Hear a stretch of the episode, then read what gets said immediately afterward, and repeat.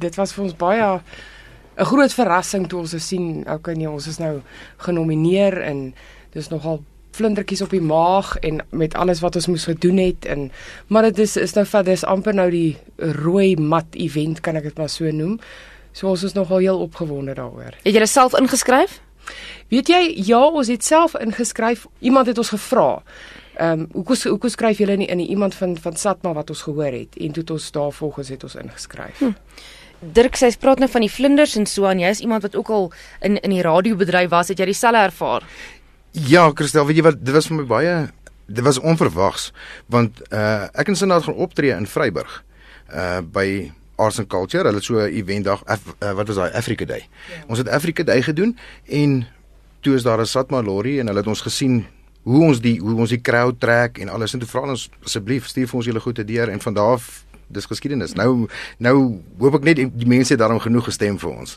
Nou jy praat nou van hoe julle die die um julle aanhangers en die luisteraars kry om deel te neem aan aan julle vertoning. Vertel ons bietjie van julle musiek. Wie kristel dit wat ons doen. Soos meeste van die tyd werk ek en Sina ons groot passie is eintlik ouer huise. Ons gaan ons probeer ons bes om regtig by al die ouer huise in Suid-Afrika uit te kom, maar dit is bietjie onmoontlik.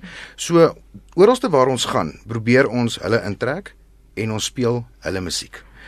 Daarso is musiek wat deesdae op die rakke is wat wat nie wat dit nie vir my doen nie en ek gaan ook regtig nie verwag dat dit dit vir die vir die ou mensies doen nie. So dit wat ons doen is ou country, ou country ligte Afrikaans, goeters waarmee hulle kan kan relate. Nee, soos ek altyd sê ons ons vat hulle op 'n op 'n op 'n trippie. Nou is daar daar ek ons het al mense gekry wat al 40 jaar in die huis is. So uh, ons het nou daag tannie ontmoet, sy is 103 jaar oud en sy is al vir 33 jaar in die ouer huis. So in daai 33 jaar kan sy net onthou wat wat sy wat sy kan onthou. So en sy wil ook nie luister na die nuwe goed nie. Dis ons vat hulle terug. Ons dis dis maar ons musiek daai. Ja. Sinda, skryf julle self julle eie goed ook? Julle doen nie net covers nie? Ja, ehm um, ons ons skryf ook wel ons eie goeders. Ehm um, soos ek het sewe liedjies wat in Texas, Tennessee wat opgeneem is. Uh waaroor ek baie trots is. Een is ook deur Pegasus ehm um, Records ehm um, geteken. So ek is baie trots daarop. Ek het nou die dag met al die inspirasie om my het ek my eerste Afrikaanse liedjie self geskryf. Mm. So ek is nou nogal heel opgewonde om rustig te gaan so eh, toons het ek het nou net wat ek rustigheid soek om nou te sê okay nou vat ons die gitaar en nou gaan ons hierdie ding toons het. So ek is heel opgewonde oor dit ook. So nou gaan sommer bly by jou vir 'n oomblik. Dirk het nou gepraat van julle julle passie vir ouer huise. Julle doen vreeslik baie liefdadigheid en natuurlik soos hy genoem het die ou mense. Waar kom dit vandaan en hoekom spesifiek die ouer huise in Suid-Afrika? Weet jy kom kom ek vertel vir jou die storie. Ons het nou juis hierdie afgelope 3 dae wat ons oor hierdie storie praat. 'n Kunstenaar kom op 'n punt wat hy sê, weet jy wat, ek weet wat ek wil doen. Ek wil vir mense sing. My passie is om te sing.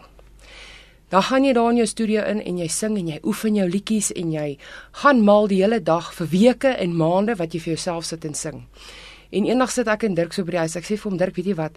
Ek is nou so moeg om net vir onsself te sing. Gaan sommer hier na die ouer huis toe gaan vra vir daai tannie of ons vir hulle kan kom sing.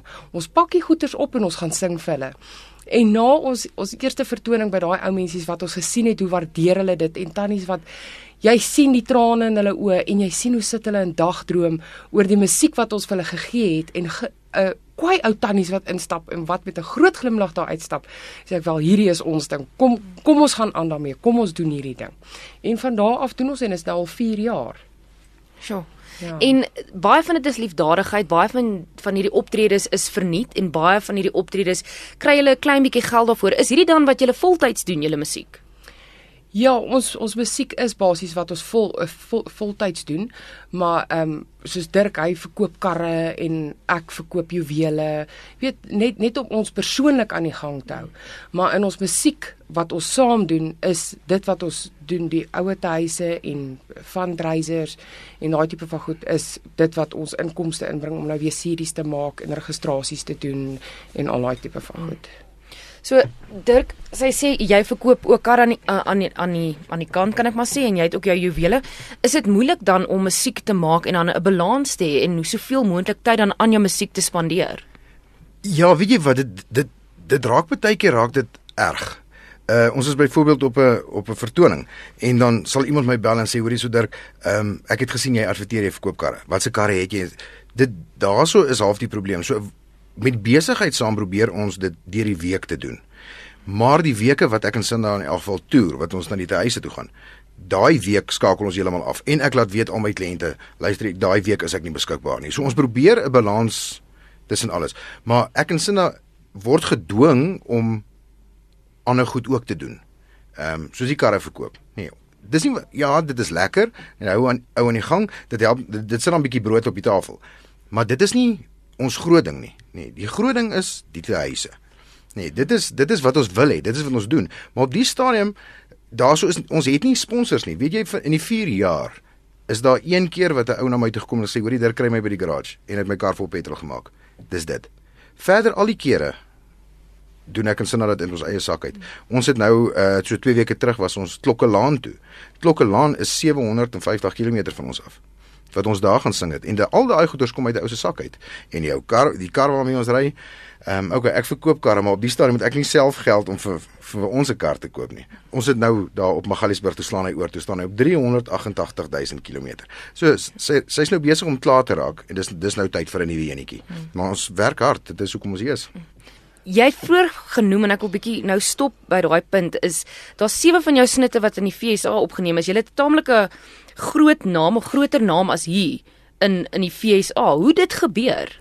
kom ons begin begin. Ek het ehm um, na my twee meisiekinders se geboorte het ek besluit, goed, ek is nou klaar met kindertjies, nou gaan ek my musiekloopbaan verder vat. En ek het in 'n kroeg gaan sing vir R300 elke Vrydag aand en so het ek vir my 'n kar gekoop en afbetaal met my R300. En ehm um, Hoekom kyk jy my so? Nee, kar nie, 'n kombi. 'n Kombi, okay, skus, wat ons nou nodig het, maar in 'n geval. Uh en toe raak ek swanger met my seentjie. Toe besluit ek toe toe dog ek, "Je, wat het die Here nou met my beplan? Dit is, ek wil so graag sing en hier kom ek nou nou, nou is ek swanger. Nou ek gaan nie met 'n boepies op die verhoog klim nie. Dit is jy weet Jong en toe ek op 'n stadium het, het ek vir 'n man ontmoet, Donald Slant.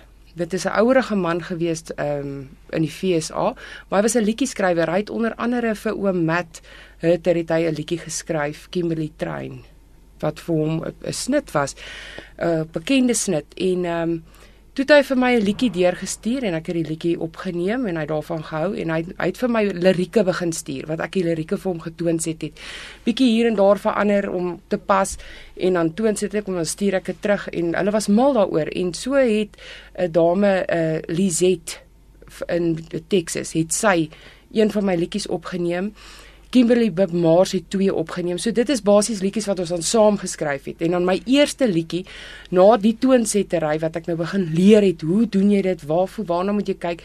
My eerste Engelse country liedjie wat ek nou self geskryf het, ehm um, beland toe nou op die CMA album. Ek kan nie onthou hoeveel jaar was dit terug nie, maar toe beland hy nou daarso op.